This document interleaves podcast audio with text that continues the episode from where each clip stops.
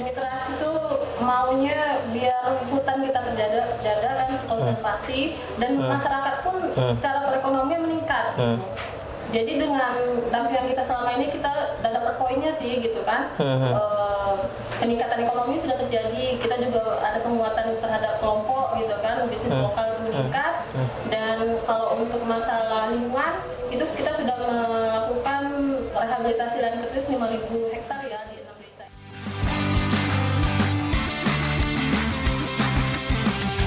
Sobat Konservasi, kembali lagi di Bincang Hutan Tropis. Kali ini bersama saya Yuda. Dan saya sendiri tidak bersama Pak Sam maupun Mas Iwan Karena saya sedang berada di daerah Sungai Penuh, Kerinci. Eh, Dan bersama narasumber sore hari ini Ada Mbak Oce. Apa kabar Mbak? Sehat ya, Alhamdulillah.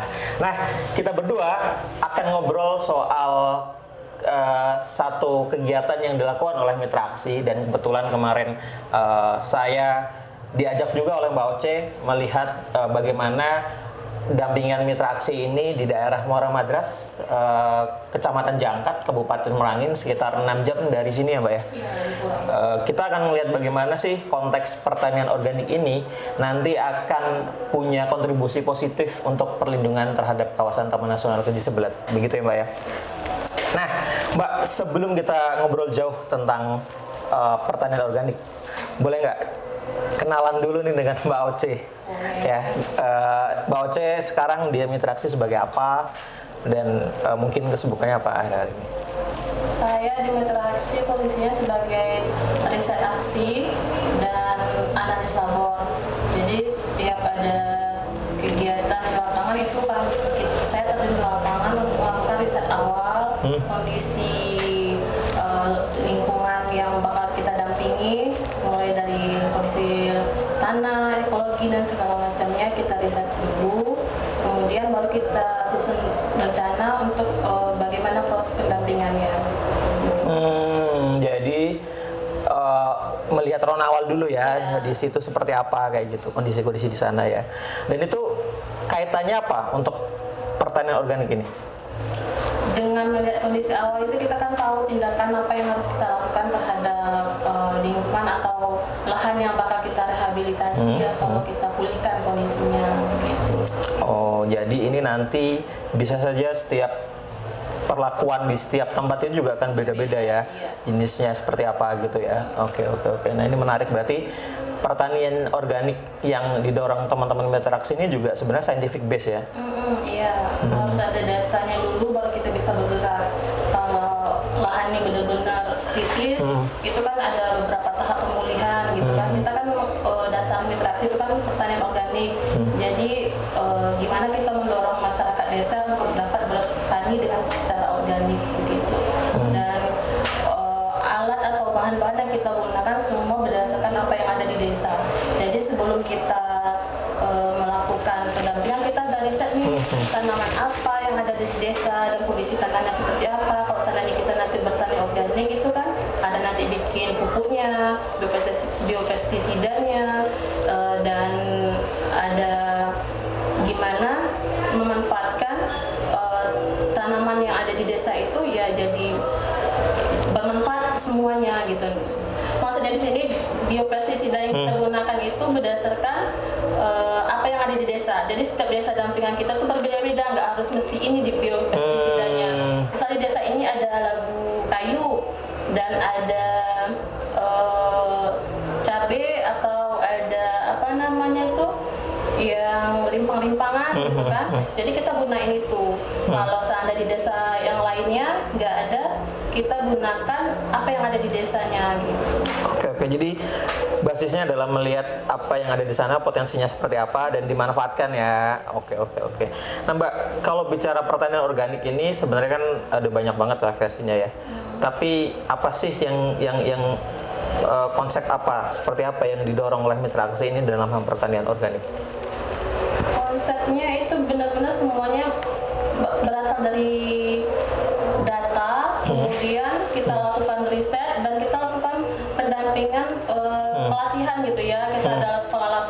Lapangnya nanti gitu kan. Dari sekolah lapangan itu kita berikan ke ahlian masyarakat itu dia memahami lahannya sendiri. Jadi dia itu bukan kami yang melakukan, tapi mereka yang melakukan langsung. Mereka akan diberi apa namanya ya eh, ilmu gitu kan. Kita sama-sama belajar bersama sama mereka menerapkan langsung.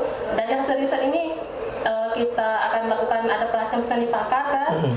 Ada perwakilan dari enam desa itu kita latih. Nanti mereka jadi trigger di desanya untuk uh, mendampingi kelompok tani yang lain. Tapi kita tetap memantau gitu kan. Jadi mereka tuh udah dapat ilmu dulu nih. Gimana cara bikin pupuk organik, bagaimana cara bikin pupuk cair, biopestisida. Terus kita juga mengajarkan mereka bagaimana mengendalikan hama itu dengan pengendalian hayati uh, dan juga pakai agensi hayati seperti trichoderma gitu kan. Jadi ilmu mereka dibekali dulu gitu kan. Dan Oke. pas mereka terjun ke masyarakat atau di lingkungan dia, dia bakal yang menjadi perpanjangan tangan kita gitu. Hmm, ya. Berarti jadi sebenarnya dari sisi pendampingan terhadap masyarakatnya ini menerapkan peer to peer learning sebenarnya ya. Karena banyak mungkin sebenarnya kadang kan kita kalau saya ngelihat beberapa problem kita adalah kita tuh datang ke masyarakat dengan mungkin bahasa yang kurang bisa dimengerti kan. Bahasa kita kan mungkin tidak sama dengan bahasa mereka berkomunikasi sehari-hari gitu. Jadi dengan adanya eh, kader kader apa pe- eh, Petani pakar. petani pakar ini ini akan ngebantu masyarakat sekitar untuk lebih paham Hmm, jadi dan menyampaikannya dengan cara dia ya. Hmm, jadi kita itu eh, mungkin ada beberapa orang yang kita latih itu dia eh, menjadi orang yang trigger desanya gitu. Jadi kita nggak kan nggak mungkin kita ngumpulin semua orang dari enam desa kan. Jadi kita cuma paling tiga atau empat orang perwakilan dari desa dan di sana kita mantau empat orang tuh bergerak nggak gitu. Hmm, ya ya ya. Ya. Wal, eh, kan sekarang kan gini, Mbak, banyak banget eh, be- di mana-mana kita mau belanja juga ada eh, ha- hal hasil-hasil organiknya gitu-gitu kan. Nah, sebenarnya hmm, kenapa sih kita harus atau kenapa Mitra Aksi memilih eh, bertani organik ini sebenarnya? Sebenarnya selain bermanfaat bagi lingkungan ya itu udah ma- otomatis poin besarnya ya. Eh, selain itu juga eh, pertanian organik ini bagus untuk kesehatan, ya kan? Poin utamanya itu. Kesehatan untuk Iya petani, masyarakat baik ya. petaninya maupun orang yang mengkonsumsi eh, tanaman itu. Soalnya kalau petani pakai kimia itu otomatis bisa dilihat itu ada tangannya yang kena ham, apa namanya tuh racun-racun. gitu kan. Ah, oh ya bisa Itu nampak. bisa kelihatan ya. Hmm, bisa kita lihat nih petani yang biasa organik atau enggak itu nampak tuh baik dia maupun keluarganya nanti ada impactnya secara tidak langsung. Oh iya iya iya iya. Tapi itu jangka panjang ya sebenarnya yang yang cuma nampak kalau kita ke lapangan tuh nah nampak nih orang yang biasa organik atau enggak gitu kan Mhm. dan pengonsumsi kan yang khususnya gitu kan itu lebih sehat dia makan organik kan? Kalau sekarang itu gimana Mbak? Di ap yang yang eh, Mbak Oce lihat di masyarakat itu apakah semuanya sudah mengimplementasikan pertanian organik? Karena kan kalau dari timeline waktu sebenarnya Mitra Aksi itu didukung TFC tahun berapa sih awal pertama tuh? sebenarnya TFC Yang pertama? sudah pernah didukung TFC tahun 2017 17 ya. salah. Terus yang kedua ini 2018 sampai sampai tahun 2020 20 kan. Itu kan prosesnya sudah beberapa tahun kan. Nah, kalau balik lagi ke masyarakat, Mbak Oci ngelihat apakah pertanian organik ini sudah diimplementasikan oleh semua masyarakat atau eh, hanya sebagian? Kalau kita perhatikan masyarakat secara garis Hmm. besar masyarakat udah menerapkan tapi mungkin ada beberapa yang belum 100% karena Hmm. mereka eh, ya biasa kalau pakai kimia itu kan geraknya atau produksinya langsung cepat berhasil Hmm, sedangkan kalau yang pakai organik ini kan ada tahapan-tahapannya Mhm. jadi mungkin ada sebagian dia pakai organik dan sebagian dia pakai kimia. Ada yang benar-benar sudah menerapkan 100%. Mungkin lebih dari 50 50% lah. Yang organik, Organik. murni ya. Yang murni. Mhm. Kalau dari sisi kan Mbak Mbak Oce kan tadi adalah peneliti sebenarnya ya. Dari sisi sains Mbak sebenarnya. Apa sih bedanya antara yang organik dan yang non organik yang pakai kimia gitu? Dari baik dari sisi produktivitas atau eh, dari sisi biaya gitu ada bedanya nggak sih?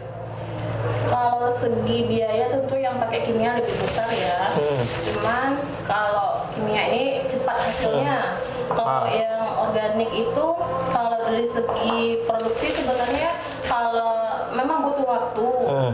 Tapi biaya kecil dan nanti kalau seandainya itu prosesnya sudah berlanjut ya kan terjadi pemulihan tanah Hmm. kalau tanahnya sudah produktif itu bahkan hasil hasil organik ini bisa lebih tinggi dari kimia. Namun Hmm. butuh proses memang gitu. Harus telaten gitu kan. Kalau kimia misalnya pakai eh, biopestisida itu kan langsung hilang hamanya ya. Instan ya, instan. ya. Tapi nantinya hama itu kan lebih apa namanya lebih kuat dia nanti butuh lagi biopestisida yang lebih tinggi Oh, dia lebih resisten ya. resisten dia. Kalau seandainya dia pakai biopestisida alami, itu selain sehat untuk petaninya, cuman eh, butuh waktunya memang proses sih, teman eh, apa namanya itu hamanya tidak resisten. gitu Ah, iya iya iya iya iya. Dan kita juga nggak butuh biaya, kita bisa menggunakan eh, apa namanya predator kita bisa secara mekanis mengamatinya atau menangkapnya gitu hama itu kan. Jadi petani memang harus lebih telaten kalau pakai yang organik. Gitu. Artinya memang benar-benar coba memanfaatkan ya. Iya. Berarti harusnya ini dong. Kita, eh, Hasil dari organik ini lebih murah dong kalau iya. Iya kan? Kalau petaninya lebih telaten gitu kan, eh, maka kita latih nih gimana orang petani sendiri yang mengamati Iya, hamanya. iya, iya. Ini hama ini makan apa sih gitu kan? Jadi Iya. ya, petaninya itulah yang memahami kondisi lingkungannya sendiri. harus berpikir juga ya. Berpikir. Iya, karena gini mbak, karena kalau kita melihat uh, stereotipku ya untuk melihat organik itu tuh sesuatu yang sebenarnya itu mahal sih dan sebenarnya yang menggunakan organik kalau di kota-kota itu adalah kelas menengah ke atas sebenarnya karena jadi sebuah gaya hidup kan sekarang itu mahal banget sebenarnya mbak organik Kalau di itu kota mahal banget, ya di desa eh, nyantai lah biasa Iya, iya. gitu. Padahal produk mereka ini organik. Iya, iya, iya. Sama dengan yang makanya ya. betul betul makanya itu seharusnya kita berpikir juga bahwa untuk uh, edukasi ya harusnya Hmm. karena ini murah bahan-bahannya murah harusnya dijual lebih murah gitu kan Sebenarnya kalau masalah edukasi masyarakat sekarang udah mulai ya tahu Hmm. apalagi kelompok-kelompok yang sudah didampingi didampingi kita udah tahu dia nih organik ini sebenarnya harganya Lah. mahal harusnya gitu kan. Hmm. tapi ma- mereka- tapi masih bi- dijual masih biasa ya namun masyarakat umum yang bukan dari kalangan petani Hmm. tentu mereka harus bersaing dia dengan yang produk yang kimia. iya iya iya iya benar-benar jadi kayak kemarin makan di uh, sana kan juga sebenarnya berasnya juga beda enak banget ya enak banget. Di Jakarta nggak ada yang kayak gitu. Atau ada pun mahal. Mereka produk padi lokal loh. iya oh itu lokal ya. Apa nama padinya? Yang kita makan tuh padi silang payu. oh selang payo Selain itu juga banyak. Itu yang di, bisa ditanam di Oh, di sawah sawah sedang oh se- pa- silang payo ya. Di sa- di sawah ya? Kalau yang di ladang itu ada padi merah, Padi gitu merah. kan. Ada padi apa nama tuh sabung. Gitu. Hmm, Oke oke. Nah balik lagi mbak sebenarnya tadi em, masyarakat sudah sudah sebagian besar memanfaatkan eh, atau menggunakan pupuk organik ya sebenarnya ya. Dan eh, apakah ini eh, sudah sesuai dengan visinya teman-teman interaksi? Sebenarnya sesuai dengan Hmm. interaksi yang masih mungkin eh, 80% -nya karena belum Hmm. semuanya yang menerapkan. Tapi kalau yang kita damping ini benar-benar sudah menerapkan. Harapan kita ya bisa semua warga ya yang Ya, sebagai ya. petani yang menerapkan. Hmm. Tapi kalau menurut Mbak Oce sendiri sebenarnya apa selain aku nggak tahu ya apa apa sih yang menyebabkan mereka untuk tidak belum belum ya belum mau menggunakan itu karena kan harusnya kalau melihat 50% itu sukses dan lain-lain harusnya masyarakat juga sudah mulai tertarik dong kan bagi mereka saying is believing kan melihat itu kan adalah sebuah uh, bukti yang sahih dan bisa mereka percaya daripada cuma dijelaskan gitu. Nah ini 50% lainnya itu apa sih sebenarnya kendalanya? Sebenarnya waktu. Mereka Oh. kalau organik itu kan ada tahapan-tahapan-tahapan yang dikerjakan dan jangkanya itu waktu lama misalnya bersihkan lahan harus nyangkut udah gini-gini kalau yang kimia kan langsung semprot aja Oh iya iya. iya, pengendalian iya. hamanya juga langsung semprot aja jadi waktu sebenarnya. praktis sebenarnya lebih Praktis. jadi lebih kimia lebih praktis tapi dampak. Jangka panjangnya memang akan ini ya.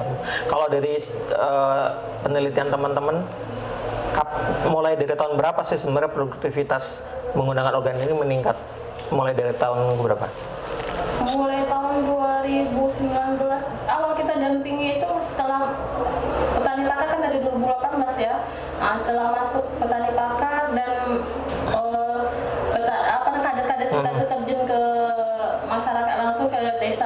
langsung itu udah mulai bergerak tuh. Kalau ngelihat produktivitas naik itu tahun berapa dari ketika saya uh, menggunakan pertanian organik awal uh, pertama, misalnya sekarang, hmm. saya saya baru bisa ngelihat produktivitas padi uh, padi saya itu lebih tinggi itu setelah tahun berapa? Gini, kalau lahannya memang lahan yang subur itu hmm. sebenarnya uh, bisa nggak sampai tiga bulan udah kita lihat hasilnya. Oh ya. Hmm. Cuman kalau lahan kita kritis gitu kan, kita kan ada tahapan pemulihannya dulu kita olah dengan organik kan, kasih pupuk dan segala macam. Mungkin sekitar panen yang ketiga baru kita bisa nampak mulai hmm. aktivitas lahan yang bagus. Kalau pertama paling hasilnya masih rendah ya. Jadi harus bersabar juga ya. Bersabar memang kalau hmm. pakai organik ini. Berapa kali lipatnya Mbak dari hasil yang kimia kalau pakai organik? Gini, kami pernah ada dampingan di daerah hmm. lain ya. Hmm. Itu eh, misalnya awalnya dia yang pakai kimia tuh dua setengah kritis itu kan dua setengah ton tadi gitu kan. Pas kita dampingi itu sampai enam, uh, pernah lima lima koma enam sampai enam enam ton. Hmm. Wow, jadi Iya lumayan. Lumayan lah ya. Itu karena dia beralih itu karena lahannya udah kritisnya hmm. kan. Awalnya kan dua setengah ton cuma karena pakai kimia terus tanahnya udah agak subur kan. Iya iya. iya. Dampingi ada benar uh, uh, apa data kita oh, iya, iya. Tentang petani itu dan. Berarti sebenarnya udah murah, udahlah murah Mm-mm. hasilnya pun tinggi kan ya semua kan semua yang baik kan belum proses yang cukup iya. panjang pak nggak langsung ini nah pak apa yang diajarkan atau step-step apa yang uh, teman-teman lakukan untuk melakukan pendampingan uh, pertanian organik ini ke masyarakat biasanya kita mengajarkan masyarakat itu kenali lingkungannya dulu gitu okay. kan kenali lahan dia hmm. gimana dia mengolah lahan dia itu hmm. bisa lebih produktif gitu dan hmm. kita kan kasih pembelajaran nih hmm. belajarnya ke lahan bersama kemudian hmm. yang mengamati mereka hmm. kita cuma dampingi oh ternyata hama ini bisa diatasi oleh uh, bisa menggunakan pestisida tanaman ini atau musuh alami ini loh gitu hmm. jadi pembelajaran mereka sendiri yang belajar di lapangan hmm. hmm. kalau untuk step-stepnya kan aku pernah lihat teman-teman mitra aksi itu kan uh, pakai itu juga kan mengukur bahkan sebelum dilakukan penanaman juga diukur kan tanahnya pH-nya dan hmm, iya. itu itu juga diajarkan masyarakat? Iya, kalau di pendampingan petani pakar itu eh, tahap awalnya kita kenali biodiversity-nya kan, kemudian tuh proses pengenalan tanah itu. Pertama tuh kita uji tanah struktur tanahnya dulu kan, pakai ada alatnya. Uh, sebenarnya sederhana, cuman plastik panjang gitu kan. Jadi kita tahu nih berapa haranya, berapa pasirnya, oh, berapa apa namanya itu humus ya, segala macamnya kan nampak tuh ya, dari alat itu. Kemudian hmm. setelah itu kita tahu kan, oh ini butuh pupuk organiknya lebih tinggi ini. Oh. Gitu kan. Kalau untuk uji pH tanahnya hmm. pun kita kan ada alat sebenarnya hmm. maupun uh, uji apa kandungan hara tanah kita kan hmm. ada alat. Uh, kita ajarkan pakai alatnya, hmm. alat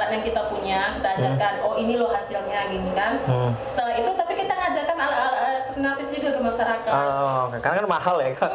Kalau kalau pakai sistem yang benar-benar saintifik ya mahal kan, nggak nggak semua orang bisa mengadakan ya, itu kan. Kita ngajarkan masyarakatnya itu jadi peneliti sendiri dengan alat alternatif. Contoh-contoh gimana?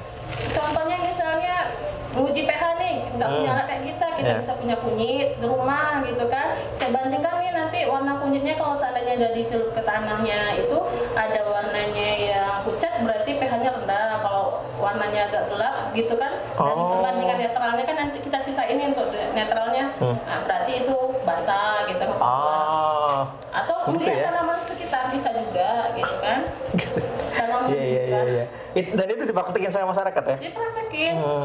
Ada juga kita misalnya drainase tanah gitu kan. Hmm. Kita ada menggunakan cuma butuhnya botol aqua sama uh, apa namanya itu air nanti kan. Hmm. Bisa ada tuh prakteknya langsung kita praktekin di uh, petani pakarnya. Hmm. Cuma butuh botol aqua itu kita bisa ngecek air, aerasi tanah, drainase hmm. gitu, daya serap nutrisi uh, tanah terhadap uh, daya serap hmm. tanah terhadap nutrisi gitu. Ada praktis. Ya, praktis ya sebenarnya ya sebenarnya. Ya. Ya, berarti nggak ada hal yang sulit sebenarnya ya. Sebenarnya nggak Tapi aja. emang pengetahuan itu masyarakat juga harus dikasih tahu bagaimana menilainya, mengukur Makanya gitu kan. Di pelatihan petani pakar itu mereka benar-benar belajar gitu Hmm. kan, kayak kita belajar gitu kan. Nanti di lapangan malah kadang-kadang mereka lebih paham lingkungannya kan. Hmm. Mbak ada loh hama yang ini makan ini. Kalau kita kan di tempat lain kan nggak nemu hama yang ini gitu Hmm, misalnya kan. Eh, jadi mereka karena mengamati sendiri lebih tahu gitu kan. Oh iya iya iya. Jadi benar-benar itu ya. Iya. Benar-benar bisa dipraktekkan hal yang menarik sih. Kalau ini Mbak eh, keberterimaan masyarakat dulu waktu ini di eh, kenalkan ke masyarakat itu gimana? Awalnya biasa aja. Awalnya biasa aja. Yang apa namanya itu nggak terlalu antusias ya masyarakatnya. Eh, Dia diundang ke petani pakar itu kan harus ada perwakilan desa ditunjuk kader-kader yang dirasa desa bisa jadi trigger desa diundang ke petani pakar. Kalau belajar dia eh, santai gitu masih belum ada apa antusiasnya belum Ah. ada gitu. Namun setelah ngitu, ngikutin tahap-tahap mereka tertarik karena kita ngajarin nguji-nguji gitu, ng- ngajarin bener-bener belajar gitu sendiri gitu kan. Praktek langsung tapi kita nggak ngomong hanya pakai eh, di papan tulis atau pakai laptop gitu enggak. Mereka abis kita kasih nih kayak gini loh gitu kan. Kita bawa ke lapangan langsung gitu kan praktek gitu. Aha. Jadi mereka tertariknya karena ada mereka pahami sendiri gitu. Praktek. Iya iya. Dan dari sisi ekonomi gimana? Sekarang setelah tiga tahunan ini gimana? Kemarin aku kan tadi mau sendiri berapa penghasilan mereka? Tanya aja ibu KWT-nya. Iya bener. Jadi kemarin nih di salah satu KWT apa namanya itu mbak? Al Barokah. Al Barokah itu tuh kami ketika ke sana sedang ada pembagian Ayo uang. pembagian uang itu ya dari penjualan eh, tanaman mereka ya, eh, eh, komoditi mereka ya. Dijual eh, mereka dapat dalam sebulan itu bisa sampai hampir 4 juta lah. Untuk hidup di desa menurutku sih Iya. udah dari lebih dari cukup itu ya. penghasilan ibu-ibu ya, belum bapaknya juga. Nah, oh iya itu baru KWT ya. Iya. Belum lagi yang bapak-bapak ya. Iya. Wah, kita hidup di kota jadi iri nih. Udah semua gratis. Jadi kan dia nggak beli sayur ya, nggak beli eh, beras juga nggak beli kan dia. Tinggal ya apalah yang dia bahkan mungkin uang nggak nggak kepake di situ kali ya. Iya iya iya. Menarik juga nih. Nah, Mbak, kan sekarang ngelihat kesejahteraan masyarakat ini udah mulai Mulai naik. naik lah ya ngelihat itu. Apa dampak apa yang mulai terlihat setelah mereka naik dari sisi kesejahteraan? Kalau sekarang kita lihat itu kan nggak ada lagi masyarakat yang mau capek-capek masuk hutan. Hmm. Mereka cukup di lahan mereka karena di petani pakar kan eh, mereka kan banyak yang bertanam kopi ya. Walaupun kopi mereka sudah tua, tapi bisa ditingkatkan produktivitasnya Oh. dengan pelatihan kemarin itu diajarkan sambung pucuk kan. Mhm. Nah, di sana dengan sambung pucuk itu kita pilih bibit yang unggul gitu kan disambungkan ke bibit eh, kopi yang tua. Jadi produktivitas kopinya tuh meningkat. Jadi mereka nggak perlu pindah untuk buka lahan lagi, cukup lahan yang sama, namun dilakukan perawatan gitu kan, Oh iya penyegaran. iya. Ini Nggak capek kan? Iya, ya, capek nggak usah masuk masuk lagi ya jauh-jauh ya. Kejar-kejaran lagi udah di situ aja. Tapi kita ngasih perlu ngasih ke konteks mbak sebenarnya. Kenapa big picture-nya itu gambaran besarnya dari sal- mungkin teman-teman kan bi- bingung ya karena kenapa TFC mendanai pertanian organik kita apa, apa kaitannya sama Taman Nasional Kendi Sebelat yang di mana kawasan Jangkat itu adalah salah satu penyangga untuk eh, TNKS di situ kan jaraknya eh, beberapa hutan desa mereka juga eh, berbatasan langsung dengan TNKS gitu. Dan kalau menurut hasil penelitian Mitraksi juga sebenarnya beberapa orang juga masuk ke sana karena Pas merasa- kita awal masuk kan bener-bener eh, ya nampak lah lahan kritis yang udah dibuka itu kan hmm, di dalam. hmm, nah itu konsepnya dulu kenapa eh, memilih pertanian organik untuk apa sih untuk di daerah Jangkat ini dan apa sih kaitannya sama TNKS mbak? Gini, sebenarnya kan di Jangkat banyaknya eh, sekali lahan kritis kan. Mhm. Ka- Karena itu masyarakat tuh karena lahan yang sudah kritis maka mereka, mereka masuk untuk membuka lahan kan. Kalau Mhm. seandainya kita bisa mampu memulihkan lahan kritis ini, Hmm. tentu mereka nggak mau capek-capek masuk ke hutan kan. Jadi dampaknya tuh sangat besar ketika pemulihan lahan ini berhasil. Eh, itu kita lakukan dengan cara organik kan. Kalau pakai kimia tentu lahannya tambah kritis. Makanya kita pilih dengan pendekatannya pertanian organik ini sehingga produktivitas uh, tanah meningkat hmm. masyarakat otomatis ekonominya meningkat jadi nggak maulah capek-capek masuk hutan hmm. jadi hipotesis awalnya adalah masyarakat melihat uh, apa yang terjadi di alami masyarakat itu uh, mereka nggak ada tempat untuk bertani lagi karena lahan mereka iya, kritis hmm, kayak gitu dan akhirnya mereka uh, masuk untuk mencari lahan baru yang lebih produktif gitu. Hmm. Hipotesisnya itu awalnya ya. Iya, karena mereka nganggapnya lahan hutan tuh tebang tinggal tanam karena subur gitu kan. Karena lahan mereka yang sudah pakai kimia ini kan udah kritis. Oh ya ya ya ya ya. Nah kalau dari sisi kan banyak banget kita mendorong pertanian organik itu alasannya banyak lah, visinya banyak. Ada yang memang untuk produktivitas, ada yang memang untuk edit value agar hasilnya komoditinya lebih mahal dijual kayak gitu. Ada lagi mungkin uh, alasan yang lain misalnya juga kayak di mitraksi ini kayak gitu. Kalau dari si- sisi mitraksi apakah hanya itu saja atau visinya memang mau mendorong untuk sampai dengan edit value dan lain-lain? Sebenarnya aksi itu maunya biar hutan kita terjaga jaga kan konservasi dan masyarakat pun secara perekonomian meningkat gitu. Jadi dengan dampingan kita selama ini kita udah dapat poinnya sih gitu kan. Eh, peningkatan ekonomi sudah terjadi, kita juga ada penguatan terhadap kelompok gitu kan, bisnis lokal itu meningkat. Dan kalau untuk masalah lingkungan itu kita sudah melakukan rehabilitasi lahan kritis 5.000 hektar ya di enam desa itu. Itu dengan kayu manis itu ya? Iya ada kayu manis dan ada jenis tanaman lainnya. Uh, kemudian ya interaksi manusia masuk ke hutan tuh udah berkurang gitu lah. Hmm, ya ya ya ya ya ya. Jadi memang kalau untuk untuk tujuan itu memang tidak bisa hanya dalam satu kegiatan saja, semua harus harus harus dilakukan bareng-bareng ya. Iya.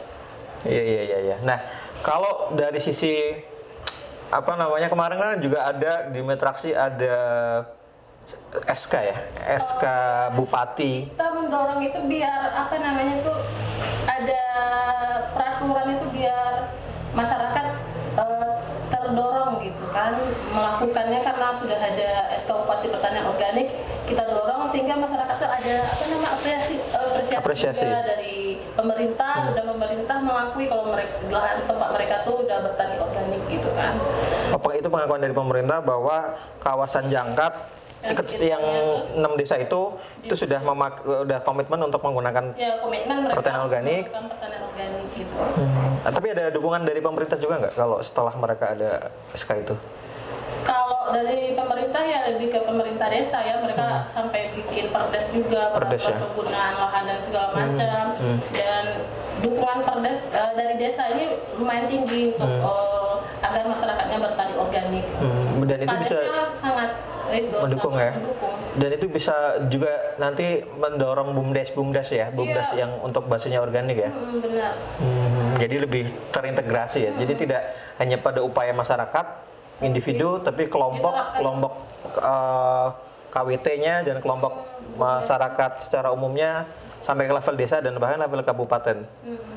Oke oke. Nah Mbak, kalau sekarang sih Mbak apa sih yang yang belum yang atau yang susah dilakukan atau eh, disadarkan ke masyarakat terkait dengan pertanian organik ini dan gimana strategi Mitraksi untuk bisa menyelesaikan itu sebenarnya? Mungkin yang belum itu ya yang beberapa persen yang masih tinggal nih ya kalau kita bisa berharapnya bisa 100% ya masyarakat sadar gitu kan. Ya yang belum ini eh, mungkin butuh penyadaran lebih lanjut ya mengenai pertanian organik jadi mereka tuh mau lebih menerapkannya gitu. Tapi lebih beratnya itu karena instannya itulah waktu mereka itu. Hmm, oke oke. Kalau terakhir dirimu ada tips nggak yang mungkin mudah diaplikasikan oleh eh, yang dengerin bincang hutan tropis ini ke sobat konservasi? Gimana sih hal sederhana untuk memulai menjadi petani organik itu?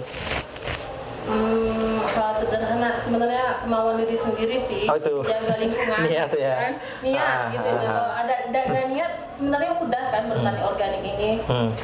Soalnya semua udah ada di alam mau bikin pupuk kotoran aja bisa jadi pupuk gitu kan. Nanti dicampur kompos aja udah bisa jadi pupuk gitu kan. Eh, mau biopestisida tinggal ambil di lingkungan aja yang bisa ber- berbau nyengat atau yang agak pedas dan segala macam gitu kan. Banyak sih. Soalnya di nenek moyang kita dulu kan juga tidak bertani kimia ya, pakai Belum ada. organik ya. Misalnya Eh, pupuk Sriwijaya dan lain belum ada. Mereka udah manfaatkan tanaman sekitar juga untuk ngusir hama gitu kan. Jadi lebih gampang sebenarnya bertani organik ini. Oke Mbak, aduh menarik nih. Tadi Mbak Oce sempat nyinggung-nyinggung soal kearifan lokal kan. Uh, ada nggak sih contoh-contoh kearifan lokal yang turun-temurun diwariskan dari nenek moyang atau uh, sesepuh masyarakat di desa-desa jampingan mitra aksi terkait dengan pertanian organik ini? Ada ya, Mas Hmm. Banyak ya. Sebenarnya mah kita ngambil salah satu contohnya di desa Renang Pelaan ya. Itu Iya. kan ada 11 jenis padi lokal itu. Hmm. Itu bibitnya itu mereka bisa tetap mempertahankannya itu karena ada peran ibu-ibu juga di sana. Hmm. Jadi ibu-ibunya itu berperan untuk menjaga benih ini tetap ada bibit untuk menanam berikutnya. Jadi udah ada porsinya masing-masing tuh konsumsi, untuk terjadi bencana nanti stok ya gitu. Oh, oke. Jadi uh, dan ada untuk benih. Ini memang benar-benar mereka siapin secara turun temurun. Bukan hanya jenis padi ya, makanya 11 jenis padi itu masih ada sampai sekarang. Nah, bukan hanya jenis padi dan ada jenis-jenis sayuran lain. Soalnya saya Iya. perhatikan itu main ke rumah uh, di desa-desa, setiap tungku mereka itu ada rak-rak itu ya di atas atasnya itu. Nah, jadi di sana ada sayuran bibit-bibit sayuran itu gantung kayak buncis dan uh, ada say uh, kan. Digantung mereka bikin benih sendiri.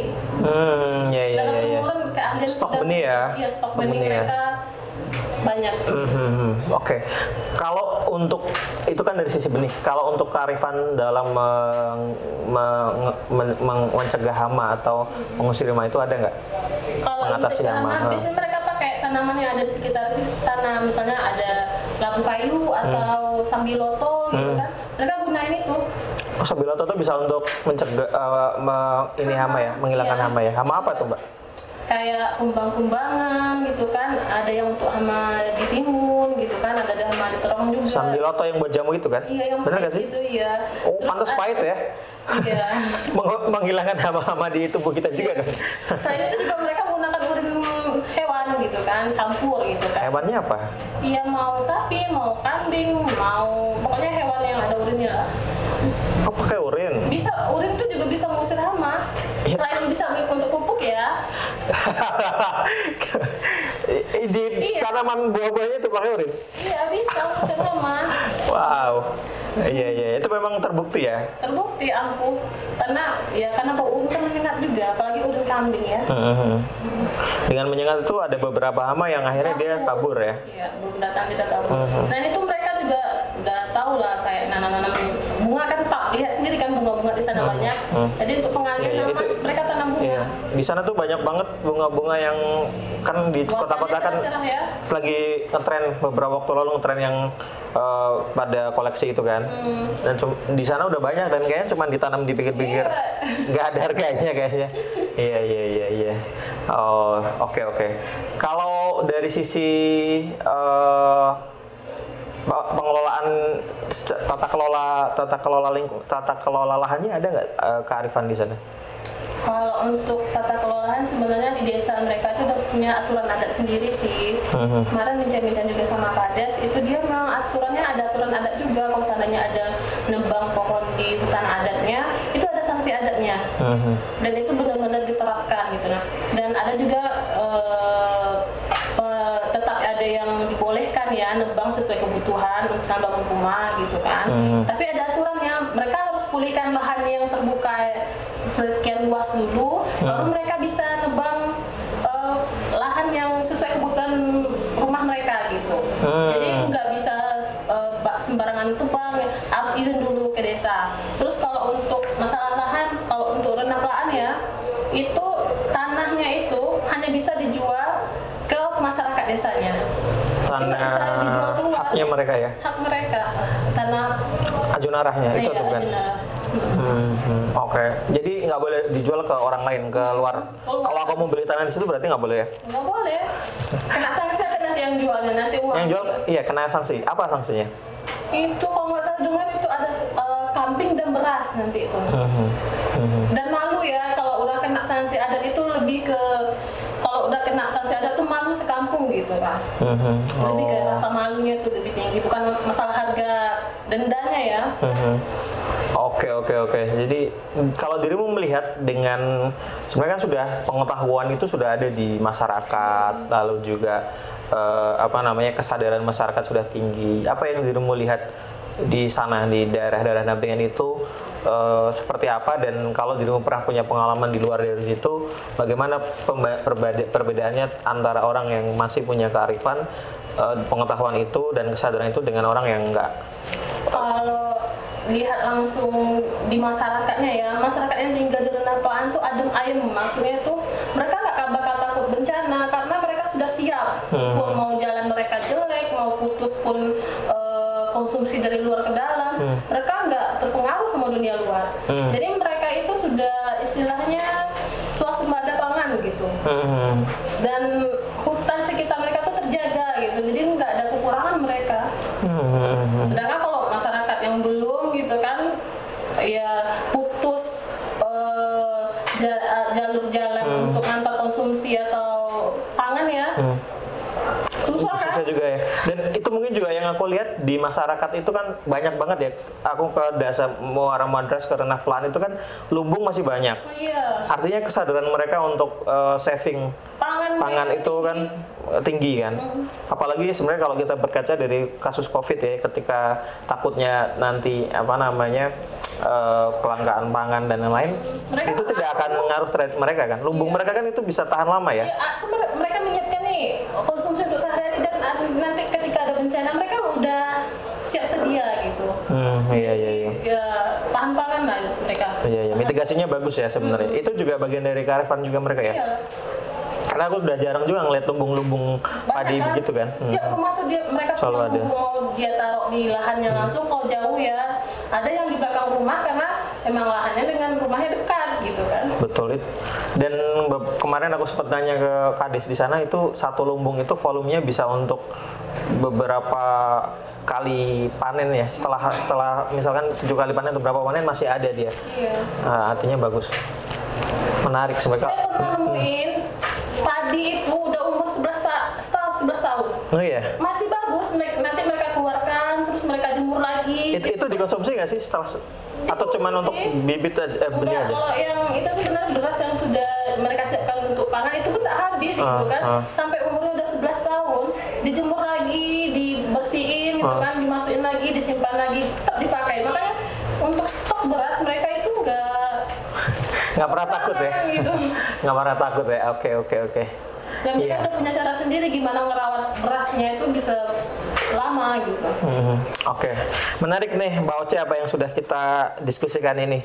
Dan kita sebenarnya masih banyak diskusi dengan Mitra Akli, misalkan dengan sistem informasi desa. Cuman kan eh, nanti itu akan kita diskusikan lagi di eh, podcast yang lain kayak gitu. Tapi thank you banget Mbak sudah berbagi ke kita. Semoga sih harapannya pengetahuan ini bisa disebarluaskan dan bisa dipakai kayak gitu. Tadi kalau mau lihat bagaimana pedoman-pedoman untuk pertanian organik bisa dicek juga di YouTube Mitra Aksi ya seperti itu. Atau nanti bisa kontak juga dengan teman-teman Mitra Aksi. Oke, eh, thank you Mbak sekali lagi terima kasih dan sobat konservasi itu bincang-bincang kita pada kesempatan ini. Eh, semoga teman-teman bisa dapat manfaatnya eh, dan eh, bisa disebarluaskan sehingga teman-teman yang lain tahu seperti itu. Eh, sekian dari kami.